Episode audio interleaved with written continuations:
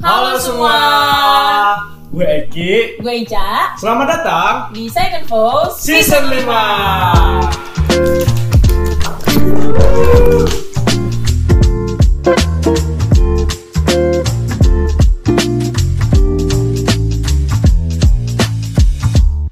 Hai saya Halo Converse. Second First, gimana kabarnya nih? Semoga tetap sehat dan bahagia ya. Nah sebelumnya kami ingin mengucapkan Selamat Hari Raya Idul Fitri bagi yang merayakan Lagi lupa izin. Mohon maaf lahir dan batin. Oke, setelah sebulan ya, Iya, setelah benar. episode eh, 00 intro kemarin, episode perdana kita kemarin Akhirnya kita kembali lagi untuk menemani Second First Tapi berbeda dari episode sebelumnya nih, Cak. Kali ini episode baru ini nih, episode perdana ini kita gak cuma berdua nih. Betul nih, kita eh, di episode ini kita kedatangan guest star Kira-kira siapa ya? Ada yang Ada ada yang mau nebak? Ada yang mau nebak? Oh, di pos dulu tebak. kita persembahkan Gak usah lama-lama kita persembahkan guest star pertama di second season 5 kali ini Rizaldi Setiawan. Oh, halo Eki, halo Ica. Halo Rizal. Gimana nih kabarnya kalian berdua? Wah, jadi host ya. Dia nanya. Kita Tetap. tetap. Asik. Oke. Tapi kalau Rizal sendiri gimana kabarnya? Kabarnya sama, tetap Asik. Oke. Oke, sendiri Bisa ya. Bisa to the point gitu, bisa? Wah, tanpa basa-basi sekali Tanpa kalian berdua ya. Eh, kesibukan akhir-akhir ini nggak terlalu banyak ya. Paling cuma eh, ngerjain TS sama ngurus program angkatan sih.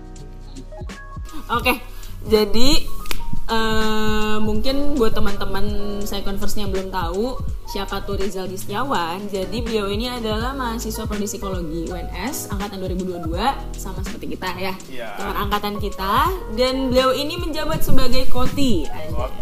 Koordinator tingkat angkatan 2022 dan juga sebagai pengurus Sinopsis Satyatama sama seperti kita. Ya, temen kita juga. Ya, Satyatama. Setia Tama.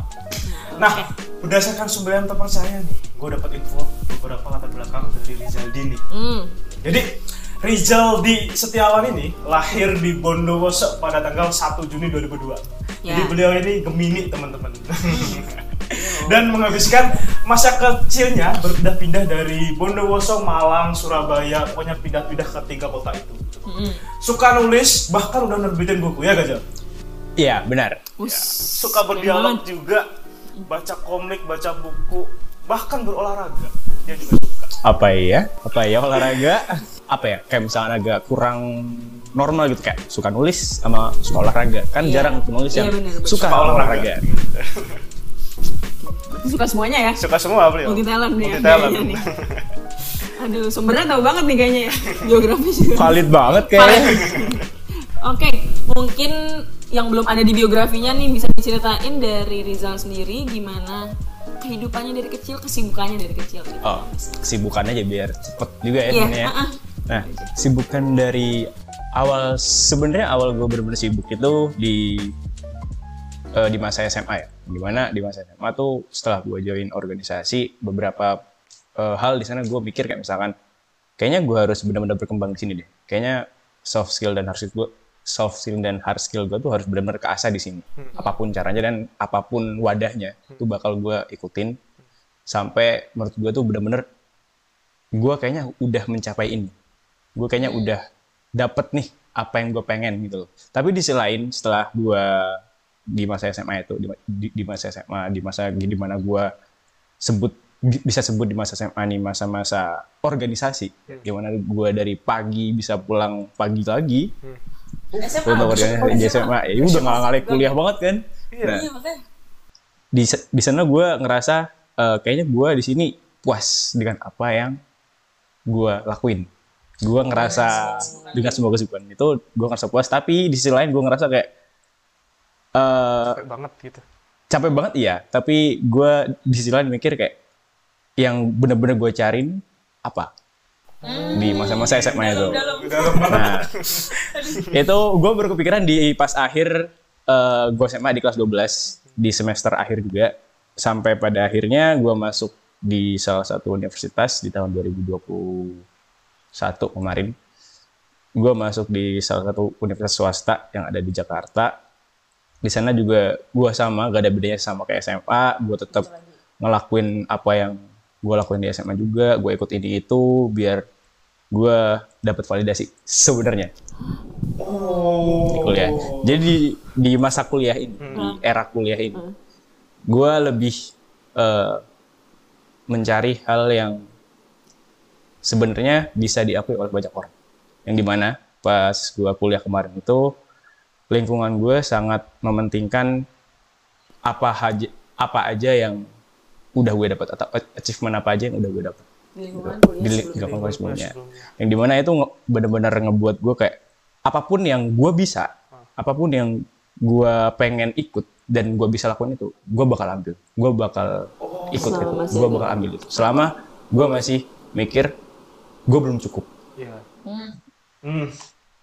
Akhirnya gue jalan itu semua sampai pada akhirnya di masuk di semester 2 gue ngedrop di sana. Ya gue bener-bener koma satu minggu di sana gara-gara apa-apa aja itu.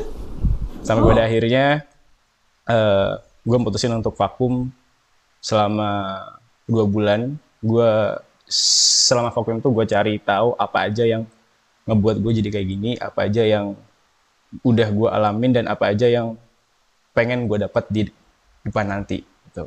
Sampai pada akhirnya ada beberapa kasus ada ada beberapa hal yang membuat gue pindah dari universitas itu ke UNS ini.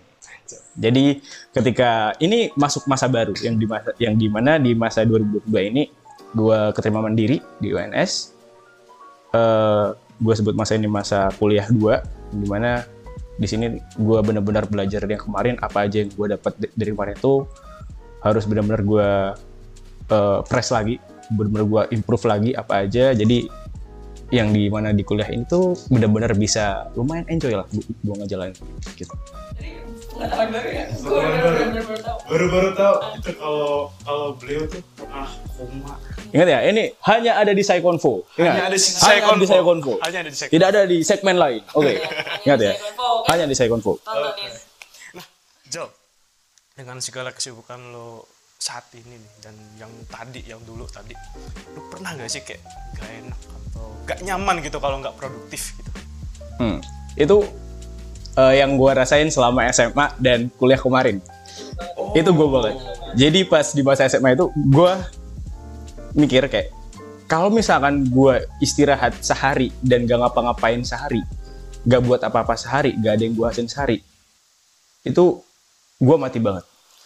Sumpah. Kayak Sampai kayak gitu. Gue ngerasa eh, di sini tuh gue kayak gak ada apa ya, gak ada hasilnya dari gue udah melajari semua hal yang udah sebelumnya gue pelajari. Gitu. Jadi gak ada hal yang gue terapin di hari itu. Kalau misalkan gue gak ngapa-ngapain. Jadi itu berlanjut sampai ke kuliah satu yang kuliah kemarin. Kayak gitu. Nah, itu dia. Itu dia contoh dari Toxic toxic productivity. productivity. Gitu. Oke. Yang akan kita bahas di podcast ini. Oke. Oke. bisa First thing first nih. Kita jelasin dulu apa definisi dari toxic productivity itu. Nah, secara definisi, toxic productivity itu adalah suatu kondisi di mana seseorang Oke, seseorang ya, harus gue ya, harus orangnya yang- ya, harus gue. yang melakukan kegiatan produktif secara berlebihan. Jadi orang Rizal tadi. seperti Rizal tadi. Jadi orang dengan toxic productivity ini tuh akan merasa dirinya gagal dan malas saat berhenti sejenak melakukan sesuatu. Gitu. Relate?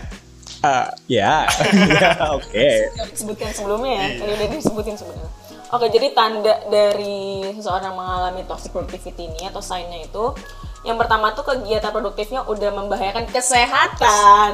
Dan juga mental, fisik maupun mental gitu ya. Seperti yang tadi contohnya. Dan juga yang kedua merusak hubungan pribadi seseorang ini ke orang di sekitarnya karena mungkin jadi kayak ignorance ya jadi maksudnya nge-mikirnya tuh fokusnya ke diri sendirinya diri sendiri. aja gitu loh Jadi kayak ngambain informasi-informasi dari lingkungan sekitarnya gitu. dia terfokus ke goalsnya dia itu. Dia, gitu. Terus habis itu dia juga memiliki ekspektasi yang tidak realistis untuk dirinya sendiri. Jadinya akhirnya nge-push dirinya sendiri, yang akhirnya dia kesulitan untuk istirahat atau diam. Relate? Relate, ya oke relate. Tadi kan udah dijelasin nih soal definisi dan sign atau tanda gitu dari toxic positivity. Nah mungkin dari para saya converse nih yang kayak udah ngerasa bahwa dia tuh emang toxic productivity gitu. Produktivisinya visinya tuh kayak udah toxic gitu kayak Ya. Rizal tadi cerita Rizal tadi walau nggak se ekstrim Rizal gitu lah. Nah kita akan mungkin kita bisa kasih beberapa tips kali aja untuk mengatasi toxic positivity ini gitu. Yang pertama itu ada menetapkan tujuan yang realistis aja. Ya, Gitu. oke. Jadi Ya, ya jangan kan? tinggi Ya, Setuju. setuju, setuju, Setuju. jadi kayak gak usah sesuai kemampuan aja gitu teman-teman. Gitu. Oke, yang kedua ada membingkai ulang arti definisi art, definisi arti istirahat gitu. Jadi uh, seperti yang tadi gitu yang kayak kalau lu kalau lu tuh uh, take a rest atau istirahat lu langsung kayak gelisah atau apa gitu kan. Hmm, nah, iya. itu lu harus membingkai ulang tuh arti istirahat tuh kayak gimana gitu. Oke, oke, benar, Gak, benar. gak cuma tidur sejam dua jam itu mah kebutuhan itu bukan istirahat itu namanya gitu. Itu kalian atau saya? Kita juga ya. kita juga. Yang ketiga ada latihan mindfulness. Jadi dengan kita mindful, kita tuh jadi lebih sadar apa yang diri kita butuhkan. ya. Jadi kayak kita istilahnya kayak semacam ngobrol sama diri sendiri juga gitu loh. Apa yang kita butuhkan, apa yang tubuh kita rasakan gitu ya untuk menghindari adanya pola hidup yang toksik gitu. Terus ya Jadi lebih ke apa ngasih waktu ke diri sendiri kayak me time gitu. Terus yang keempat ada tentukan boundaries yang jelas antara diri lu dan si tugas-tugas lu ini. Jadi misalnya kayak eh, lu mau istirahat tidur jam 7 malam, ya udah jam 7 malam lu harus strict to the rules. Kalau misal lu ya udah jam 7 malam gue tidur. Gitu. Jangan sampai pagi lagi gitu. Ini kayaknya gue kayak pasien ya di sini. Yang konsultasi gitu ya. Itu sih berdasarkan jurnal ya. Iya, berdasarkan Oh, jurnal. jurnal. Kalian menerapkan apa yang udah kalian pilih di universitas ini ya? Iya. Psikologi. Psikologi. Oke, benar. Nah, tadi kan udah dijelasin tentang apa sih toxic productivity itu tanda-tandanya dan juga cara untuk mengatasinya.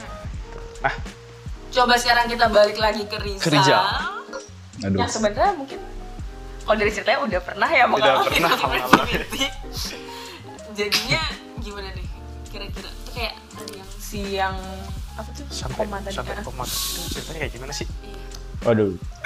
Sampai Ini, sampai lo tuh kegiatannya tuh kayak kayak kayak apa kok sampai kayak gitu gitu. oke, ini aku singkat aja ya. Iya. Yang pas gue koma itu, eh waktu itu di bulan Juni, kalau nggak salah, di bulan Juni itu waktu itu gue sempat ikut BEM juga, gue sempat ikut HIMA, gue sempat ikut eh, organisasi dan kementerian luar juga ikut, magang juga nyoba. Jadi ada tujuh hal yang gue ikutin dalam dua bulan itu. Tujuh. Wow. Itu BEM sama. BEM sama Hima. BEM juga ikut. Untuk mahasiswa semester Semester dua, Dua. awal. Itu awal, itu itu maba. kayak kita, kayak kita Kayak kita, sekarang. oh iya. Ah, kayak kita sekarang. Untuk kita yang cuma ikut dua udah gitu. Waktu itu gue ngerasa kayak eh, kayaknya gue butuh tujuh tujuhnya. Kayaknya gue butuh buat mempercantik CV ya. Sebenarnya gue butuh itu. Tujuan awal gue tuh itu. Sampai pada akhirnya eh, di pertengahan bulan, Hmm. yang dari awal bulan sampai pertengahan bulan tuh gue enjoy ngejalan tuh semua. Sampai di pertengahan bulan eh, keempat hal dari tujuh ini itu minta buat diselesain dalam waktu yang sama dal- dal- dalam waktu yang barengan yang sama gitu. Jadi di sana gue juga ngerangkap di- jadi koordinator juga di Koti juga. tujuh tujuhnya. Ya oke masuk koti juga yang Masuk kemarin. Koti juga. Eh, sampai, sampai pada akhirnya di, di pertengahan bulan gue selesain semua itu gue dua dua setengah dua hari lebih kayaknya gue gak tidur sampai akhirnya gue coba minta obat ke dokter gimana caranya buat nahan gak, gak ngantuk gitu aneh. Waduh. karena karena waktu itu gue pikir ya misalkan kalau tugas gue gak selesai Ah. gue gak bakal dipercaya Oh, karena tadi kan eh, apa orientasinya dia kan validasi. Ah, Oh, iya, karena benar, di benar, masa setuju. kuliah kan tuh gue yang hal yang pengen gue kejar tuh validasi, Validasi kan tadi, di mana iya. dari val- dari validasi itu gue mendapatkan apa yang eh, hal yang pengen gue dapat yaitu relasi yang benar-benar eh, apa ya berkualitas sangat sangat berkualitas di sana yang di mana di relasi itu mungkin eh, membutuhkan beberapa achievement yang sangat-sangat tinggi di sana. Jadi di pertengahan bulan habis gue minta dokter itu, dokter juga gak nyaranin, akhirnya gak dikasih juga. Yang itu bener ya, wajar ya sebenarnya ya. Akhirnya gue coba Jangan bilang lo nekat beli ya. enggak enggak enggak. Gue gak sampai nekat beli cari juga. gitu ya. Cari ke apotek. apotek beli Revanol bercanda. Kenapa tahu? Kenapa tahu? Revanol kan obat ini obat jumlah alkohol Oh iya. bukannya tenang malah berbusa. Nah Tenang sih. dan eh, setelah dari dokter itu gue ngerasa "Ah, kayaknya gue butuh treatment yang harus gue sendiri lakuin. Jadi gak ke psikolog juga enggak misalnya gue gak ke psikolog. Waktu itu gue butuh apa tuh? Gue gak ke psikolog akhirnya gue treatment sendiri dengan cara treatment ya lihat-lihat online lah. Misalnya di halodoc lah kayak oh kayak gini kayak gini kayak gini. Dan sampai pada akhirnya gue berhasil melakukan treatment itu dan gue total gak tidur 4 hari. Oh wow. Oh, sorry. Dengan obat tidur. Enggak, enggak. Dengan Nggak obat tidur. treatment biasa. Dengan Entah tuh treatment kayak... biasa itu iya. uh, lu beli obat kah? Enggak, enggak. Jujur gue gak, gak pakai apa-apa. Di sana gue cuma pakai Kopi. entah tuh kopi, ya, kopi ya. Oh. Kopi dalam hari itu gue habis 9 cangkir kopi Dalam empat hari dalam 4 hari. Lambung juga udah males ya. Kamu juga kopi lagi, hitam lagi, hitam lagi yang masuk ini. kopi lagi sebelah. lagi. Kopi lagi, kopi lagi yang masuk ini. Ya. Sa- Sampai pada akhirnya eh gue dari pas itu gue selesai tugas dan gue dapet apa yang gue butuhin yaitu validasi dari mereka-mereka yang kayaknya kayak oh ya udah sekarang waktu lu istirahat. Tapi di ketika mereka minta atau nyuruh gue buat istirahat, gue pikir kayak masih ada tiga yang harus gue kerjain dulu sebelum deadline-nya masuk. Karena kalau belajar yang kemarin, yang empat eh, hal itu, itu gue lupa gara-gara eh, gue agak nyatet juga di Oh, notes gue. gitu. Jadi deadline, jadi hamin tiga itu baru gue kerjain. Jadi itu yang di mana gue nge-push banget buat Terlalu mepet deadline ya. terlalu mepet deadline. Itu udah empat. Nah, jadi akhirnya yang ketiga ini gue selesaiin dulu. Yang di mana tuh sehari selesai. Sampai pada akhirnya setelah itu gue istirahat. Akhirnya ternyata ya pas di hari kelima itu kan gue istirahat. Iya. Gue tuh bangun di hari ketujuh. Istirahat berarti Itu siapa yang ngelarin? Temen kos. samping kamar. Nah, jadi akhirnya gue di gue bangun, gue tidur tuh udah di kamar kan awalnya. Akhirnya gue bangun tuh ternyata udah di ru- rumah sakit juga. Gue gizi gue turun banget, juga eh, entah tuh hormon gue testo testosteron gue juga terutama tuh udah rendah banget di sana. Jadi mau buat, buat masuk apa aja yang di badan gue tuh kayak lama banget nyerapnya. Mhm. Jadi akhirnya gue uh, ya dirawat di sana sampai gue sadar cu- cuma sebentar doang. Jadi kayak hari ketujuh gue bangun, di hari ke-8 gue tuh tidur lagi, Tidur lagi. tidur lagi. Jadi dari hari 8 hitung ya, hari ke-15 gue bangun lagi. Jadi gue gak sadar diri tuh ada tujuh harian gitu. Ya gitu nih hibernasi rekap. Iya, direkap dari empat hari itu gue rekap di, Dirapel semuanya kan. di rumah sakit lagi. di rumah sakit lagi. Ya. Lumayan. Tetap makan itu kan dapat infus ya. Agaknya, agaknya mending catering aja ya. Agaknya. Agaknya mending catering aja. Nah, ya. terus sampai itu eh, akhirnya gue bangun di sana juga udah ada orang tua gue, ada teman-teman gue juga, ada keluarga besar juga di sana. Sampai ya ditanyain kenapa, kenapa, kenapa. Akhirnya ya karena sibuk aja gini-gini, lupa istirahat dan sebagainya. Kayak gitu. Yang sangat membutuhkan validasi. Iya, aduh. Itu pelajaran berharga banget buat Ah, kita. Untuk kita yang semester dua ini. Iya, untuk kita yang semester dua ini. Untuk ngasih batasan gitu. Nah, benar.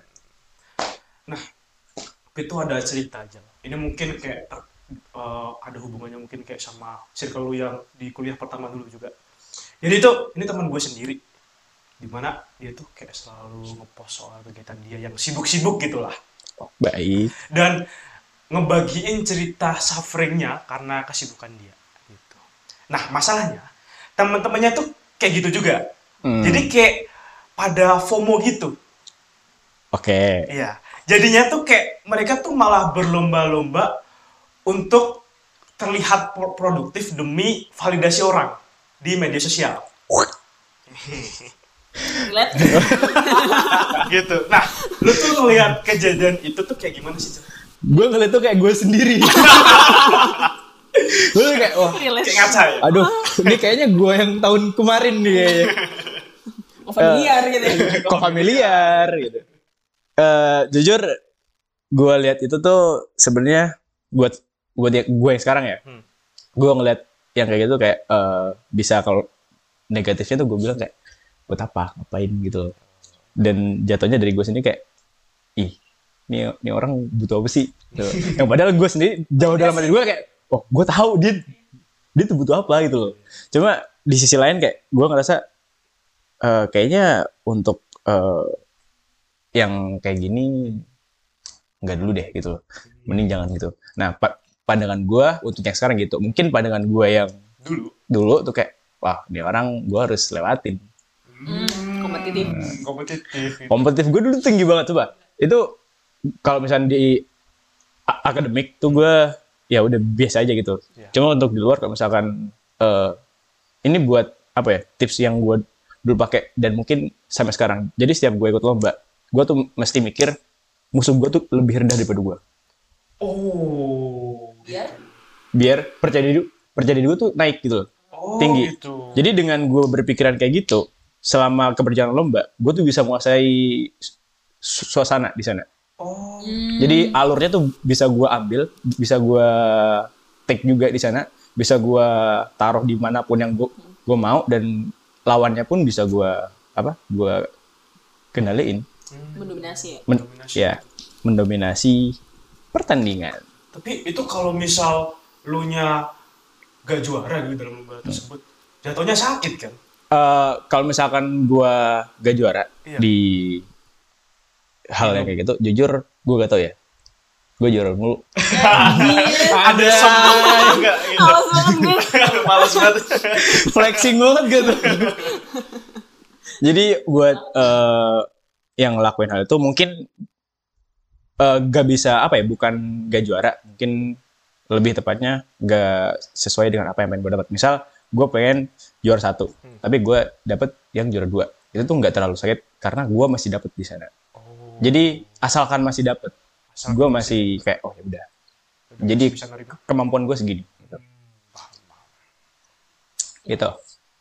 Oke, jadi ya dari circle temannya Eki tadi, dari elu juga, itu tuh sebenarnya itu hal-hal yang kayak gitu yang ngebentuk hustle culture Asal culture. di sosial ini gitu loh. Ya. Di mana orang tuh kayak berlomba-lomba, kayak lu tadi berlomba-lomba untuk hustling, sampai akhirnya berujung ke toxic productivity. Jadi kayak ujungnya kayak lingkaran setan. Jadi Ya, kayak lu setan. toxic productivity, terus habis itu temen lu lihat, ntar temen lu ikutan juga, Jadi FOMO, terus kompetitif habis itu juga has- iya, jadi- terus kebentuk hustle culture. Ujung-ujungnya semua orang toxic Ya, productivity. semua orang gitu. Dan menormalkan itu ya nggak sih? Iya. Tapi kalau misalkan hasil culture, hasil cul- culture itu sendiri kan itu eh, udah jadi sifat dan kebiasaan gak sih? Iya. Nah, kalau misalkan sebelum hal itu terjadi tuh kayaknya mungkin itu masih bisa disebut sebagai kegiatannya aja. Dan mungkin kalau udah hasil culture itu kayak oh udah no comment banget itu. Dan mungkin kalau misalkan tipsnya tuh kayak eh, nggak terlalu gue masih belum nemu ya tipsnya buat atasi hasil culture itu sendiri kecuali lu bisa ke psikolog gitu buat konsultasiin apa yang pengen lu ubah di sana. Berarti lo ngebalancein produktif sama istirahatnya mulai sekarang? Eh, untuk sekarang ya alhamdulillah gue bisa. Gimana? Gue berusaha berusaha ya berusaha gue tidur 8 jam sehari buat sekarang. Yang gimana kalau misalkan itu, itu karena kan di sini gue suka olahraga kan? Iya. nah di mana tuh di kalau misalkan gue olahraga kalau misalkan apa ya olahraga gue tuh angkat beban. Yang, di- yang di mana itu sangat membutuhkan istirahat Hmm. yang di mana kalau misalkan restnya tuh minimal 6 jam atau restnya tuh ntar kurang Hmm. itu pembentukan hormon dan ototnya tuh Ah. itu nggak maksimal jadi gue mikir kayak misalkan gue olahraga sekeras ini tapi gue istirahatnya gue gak cukup itu olahraga gue ya buat apa sia-sia gitu Hmm, bener banget gitu. Ada motivasinya ya untuk tidur ya? Oh, setidaknya ada setidaknya ada. setidaknya ada Kalau tidur berapa jam sih? Terakhir ini ya. terakhir terakhir ini ya. wah calon nih. Dua jam. Jangan ditiru ya. Ya ini ya. Hostnya aja calon. Toxic productivity ya kan? Eh, tapi jauh dari segala kegiatan lo gitu yang kalau gue lihat tuh sibuk banget gitu. Dari dulu sampai sekarang pun walaupun sekarang berkurang ya gitu. Itu tuh cara cara lu untuk manage waktu kayak gimana Itu yang kapan nih? Yang dua apa yang sekarang? Yang baik dia sekarang. yang baik deh yang sekarang baik. gitu yang Oke. baik dulu Kalau yang sekarang tuh sekarang eh, kan dari pengalaman kemarin, gue udah tahu apa yang pengen gue lakuin sekarang dan batasan batasan di gue tuh apa. Jadi sekarang eh, gue batasin, semisal gue ikut kepengurusan, eh, istilahnya yang terikat lah, Hmm. yang terikat itu gue batasin dua, entah itu dua organisasi atau dua ke, enggak dua ya dua dua organisasi lah. Oh. Dan untuk ke- yang tidak terikat yang tidak terlalu terikat sendiri itu kayak kepanitiaan dan lain sebagainya mungkin maksimal gue bakal dapat dua juga sama. Kedua jadi gak kayak kemarin. Tujuh gitu. Tujuh. Dan itu gila sih. sepuluh sama kepanitiaan. Gila sih Cok. Tujuh yang terikat. tujuh yang terikat tiganya enggak. Wow. Terikat. tapi yang di kepanitiaan dulu tuh kayak ya udah bisa aja. Kayaknya bukan manusia ya. robot ya nah terus eh sampai mana tadi Eh, manage waktu Oh ya manage waktu. Nah manage waktu gue sekarang tuh gini. Jadi kalau misalnya di, di ya dikasih tahu lebih detail. Jadi kayak eh, mungkin pagi tuh gue gak mau beraktivitas, gak mau dalam artian segala macam organisasi mungkin gue akan pergi siang. Gitu. Jadi pagi tuh khusus gimana gue ngebangun mood gue buat nge- ngejalanin hari. Entah itu dengan olahraga, untuk podcast dan lain sebagainya. Nah di siang hari gue coba buat nyelesain semua tugas gue yang ada di luar kuliah. Atau organisasi kepanitiaan dan lain sebagainya. Itu sampai sore. Akademiknya. non akademik terus yang malam gue coba usahain buat belajar. Sana. Hmm. belajar yang di ngurus akademik sampai pada akhirnya mungkin sekitar jam 10 ya udah gue langsung istirahat. Juga eh, di kos gue tuh sekarang gue ngasih papan sih di papan. Gimana tuh ntar apa aja yang mau gue lakuin hari ini? Oh. Jadi gue tulis kenapa enggak gitu ya. Nah, kenapa tidak sticky notes itu aku ramah lingkungan ya Aku sedikit notes lagi. Iya. Jadi ditulis aja di papan dan itu lebih efisien sih kayak nggak terlalu sampai bikin eh, copot copot copot tulis copot enggak jadi tinggal hapus bikin lagi centang selesai hapus bikin lagi gitu ya dia juga kita Kita link link Shopee-nya ya Oke. Terima kasih Oke, Rizal. terima kasih, Rizal. Kita masuk ke warta berita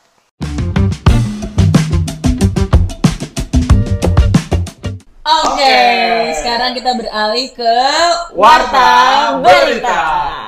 Oke. Oke, jadi yang belum tahu nih warta berita tuh apa sih yang belum dengerin mungkin episode kemarin gitu, yang intro gitu. Kita akan membacakan di warta berita ini, tuh kita akan membacakan cerita dari teman-teman gitu eh, tentang toxic positivity ini gitu. Yang minggu lalu kita share di IG story psikologi underscore UNS. Rizal nih ngirim warta berita. Ah, bisa dilihat aja bisa dilihat aja ya bisa dilihat aja Oke, mungkin kita bakal bacain warta berita dari yang anonim pertama nih ya. Yang pertama? Lu dulu. Eh, ya gue dulu. Oke, dia ngomong eh, dari pertanyaan eh, pengetahuannya tentang toxic positivity. Dia ngomong tuh belajar boleh, tapi harus tetap istirahat supaya kualitas belajar tetap maksimal. Berarti udah ngerti ya? Ngerti. Ah, gimana cara tips dari toxic positivity? Jadi harus istirahat ya, Jal ya. Istirahat, Jal. ya kalian juga ya Iya, iya, insya Allah. Oke, jadi dia cerita soal waktu SBMPTN dia dulu. Jadi dulu waktu SBMPTN 2022, aku emang udah persiapan setahun sebelumnya supaya nyicil materi nggak terlalu banyak. Dan ternyata tetap gak bisa. Jujur iya ya. Jujur ya. Akhirnya hamil 5 bulan bener-bener ngejar goals materi belajar sehari kurang lebih 10 jam. wow Tapi 10 jam ini sampai jam 1 malam baru selesai dan masih merasa nggak puas. Akhirnya pagi dari jam 9 sampai jam 1 siang itu dia belajar, lanjut lagi sore sampai jam 1 malam. Wah, belajar doang lah gitu. gue mual kalau membaca Iya, bisa gitu. Misalnya belajar gitu. Aku belajar saintek tuh banyak banget belajar sendiri kan kimia. belajarnya kan? Iya, Sendiri lagi? Sendiri. Aduh. Nah, ini ngomong lagi nih. Bener aja sebulan ngelakuin itu, akhirnya sakit sampai seminggu nggak sembuh-sembuh. Ini jalan. Itu gak bangun Bedanya ini gak sembuh-sembuh. Kalau Rijal gak bangun dia. Iya benar-benar, benar-benar. Waktu sakit pun masih maksa untuk belajar SBM. bener-bener burn out dan akhirnya jam belajar kacau. Setelah itu aku rombak lagi semua jadwal belajar. FYI, aku suka banget main game Dota 2 dan ternyata belajar mulu tanpa cari hiburan atau main game itu bikin stres. Makanya aku bikin jam belajar pagi sampai siang, terus untuk tugas, istirahat 4 jam, sore belajar dikit, habis isya main game 2 jam. Kadang kebablasan jadi 3 jam. Habis itu baru dia belajar lagi tapi maksim, eh, tapi maksimal sampai jam 12 malam eh, karena udah harus tidur. Karena ternyata otak aku nggak bekerja maksimal dan malah buang waktu kalau udah capek plus ngantuk. Berarti dia udah bisa cope with toxic productivity-nya itu ya? Nggak aware ya. Kalian tau nggak? Gue mikirnya ke mana? Kasihan matanya. Oh iya, Iya juga ya. Anjir, belajar eh, baca kan, baca bisa baca, main game, bisa main game, baca lagi. yang penting mentalnya bahagia. Gak apa-apa. Bapak kalau main Dota mah nggak apa-apa. Gak apa-apa. Apa? Gak apa-apa kan istirahat 4 jam bisa aja dia. Di game lagi. Enggak, enggak.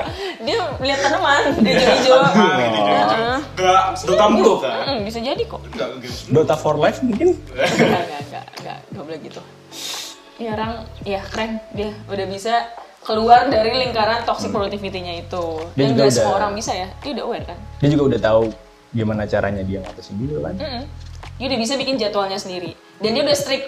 Tadi kayak ini, set boundaries. Oh, ini bikin oh, boundaries. Oh, dia ini bikin boundaries. Bikin dia, tuh kan? Itu tipsnya guys. Nah, dia ngomong sekian dari aku. Tipsnya adalah kalau mau belajar maksimal, kita harus tahu dulu kapan otak kita bisa produktif, baru menyusun jam belajar. Hmm. Kan ngasih kan? tips. bener. Semisal, semisal otaknya produktif di jam 2 pagi. Seperti saya. No komen ya. Bisa kok kan tidur dari jam 9 sampai jam 2. Habis itu tahajud. Oh subhanallah. Tahajud sepertiga malam. Bisa itu kok. sahur. Kan kita kan puasa. Oh, kan bulan Ramadan ya, Tik. Iya. Ingat ya, tik ini tiknya di bulan Ramadan. Iya, Oke. Ya, tagnya di bulan Ramadan ini. Ya, setelah Apa lebaran. Kan bisa puasa Senin Senin Kamis. Iya, Oh iya, bisa Puasa. Syawal Bisa. bisa habis ini kan? Benar, benar. Daud, Daud ya. Iya. Puasa Daud juga bisa. Jadi dia harus sama kayak tadi latihan mindful dia tahu diri sendiri ya kan talk to herself eh nggak tahu her atau him nggak tahu pronounce apa Aduh. Them oke lanjut Oke, lanjut ke pronim kedua. Dia nanya nih sebelum sebelum cerita dia nanya sampai sejauh mana kita bisa bilang kalau produktivitas itu toksik. Gitu. Oke. Terus masuk ke cerita ini. Langsung masuk ke cerita aja. Jadi ini tuh bukan cerita gue, tapi tetangga kosan gue. Oh, siapa tuh? Sebut aja si A. Oh, Hmm. ah, oke. Oke A. Jadi dia tuh anaknya santai banget gitu. Tapi sebenarnya dia tuh lumayan sibuk gitu. Nah masalahnya tuh dia nih eh, bisa bangun sampai sampai jam 1 atau 2 yang pasti pagi ya jam 1 sampai jam satu atau 2 pagi cuman buat ngerjain tugas-tugas sama gawean dia Hmm, oke. tapi kata gua dia dia suka gak sadar dah mana dia tuh tiap hari jadi minum kopi kan. Terus power nap yang cuman satu atau dua jam itu supaya dia bisa ngerjain gawean dia sampai jam 2 malam gitu. Gitu cak. Bahkan tuh akhir-akhir ini nih cak. Karena kesibukan dia Sab- Sabtu Minggu tuh eh, atau weekendnya dia tuh dia habisin dengan gawean-gawean itu. Sedih deh gue ngelihatnya. Mana bocahnya jadi jarang main keluar kan? Hmm, cerita yang cukup familiar. Hmm, Lu kenal gak Kia? gue kayaknya nggak kenal deh kayaknya. Oh, gak kenal. Lu, Cak? Hah? Gak tahu deh siapa ya. Siapa? Yang diceritain Gak tahu sih. Terlihat familiar ya sepertinya. lihat familiar sih. Tapi tadi dia sempat nanya ya tentang sejauh mana kita bilang kalau produktivitas kita itu toksik mungkin jawaban dari gue itu eh, sampai lu koma itu toksik banget. Itu toxic banget. Itu toksik banget. Itu toxic banget. Tapi sebelum itu Nah, soalnya sebelum itu. sebelum itu kayak bilang kalau misalnya udah menyakiti kesehatan Kesehatan. baik mental ataupun fisik atau merusak hubungan relasi atau apa tuh atau ya sampai merusak hubungan relasi. Ya itu. Itu toxic toksik Mungkin sebelum itu juga eh, produktif- produktivitas tuh bisa dibilang toxic juga. Kalau misalkan kalian belum tahu apa yang mau kalian kerjain. hmm. Dan kalian secara spontan Wih. ngerjain apa yang eh, tiba-tiba ada waktu itu terus kalian kerja langsung ngerjain tanpa dibikin eh, atau membuat list terlebih dahulu. Jadi kayak mungkin purpose di awal tuh sangat-sangat membantu ya untuk menghindari toxic productivity. berngangong ya ke sini ya ngangong ngangong nah Ya, mohon maaf ya. Karena ini keterbatasan durasi, mohon maaf dengan sangat. Kita tuh gak bisa bacain semua cerita gitu. Karena durasi udah cukup panjang gitu. Udah kayak mungkin para pendengar, para saya konfus dengernya udah capek dengerin kita mulu gitu. Gitu ya. Jadi mungkin untuk segmen warta berita di episode ini kita sudahi sampai sini dulu ya. Tapi jangan sedih dan kecewa untuk kalian yang masih belum sempat untuk cerita yang dibacakan di Warta Berita bisa mantangin Instagram story-nya at psikologi underscore UNS. Eh, Sabi banget untuk follow IG-nya ya. Di follow aja nanti kalau misalnya ada Warta Berita bakal di post di situ dan kalian bisa langsung kirimin aja ke Google Form-nya. Atau jangan lupa cerita langsung ke Eki atau ke Ica. Oke? Cari aja. Cari aja. Tapi itu privasinya insya Allah aman juga. Aman juga. Aman juga. Semua. Aman, iya. Aman kok, aman kok. Support kita. Untuk yang mau jadi gestar mungkin teman-teman ya. Iya, buat yang Coba jadi gestar gitu. Bisa hubungin kami Ah, bisa hubungin kok, bisa bisa. di nomor di bawah ini. Oke, tidak terasa kita udah di penghujung acara nih. Ya. Terima kasih banyak Rizal udah menyempatkan waktunya di tengah yang sibuk, Sibuk itu banget ini. untuk hadir. enggak, sibuk kok. Weekend libur kok Oh, biasanya. iya, libur. Kita aja bikin sibuk ya. Iya. Iya aja sibuk. Enggak juga sih, ini enjoy kok. Oh, enjoy, enjoy ya. Thank you Rizal, thank you banget udah hadir di Second Vibe saat ini. Oke, ya Eki Ica. Oke, Oke, akhir kata aku Eki. gue Ica. Gue Rizal. Kita pamit undur diri. See you on the next episode. Bye. Bye.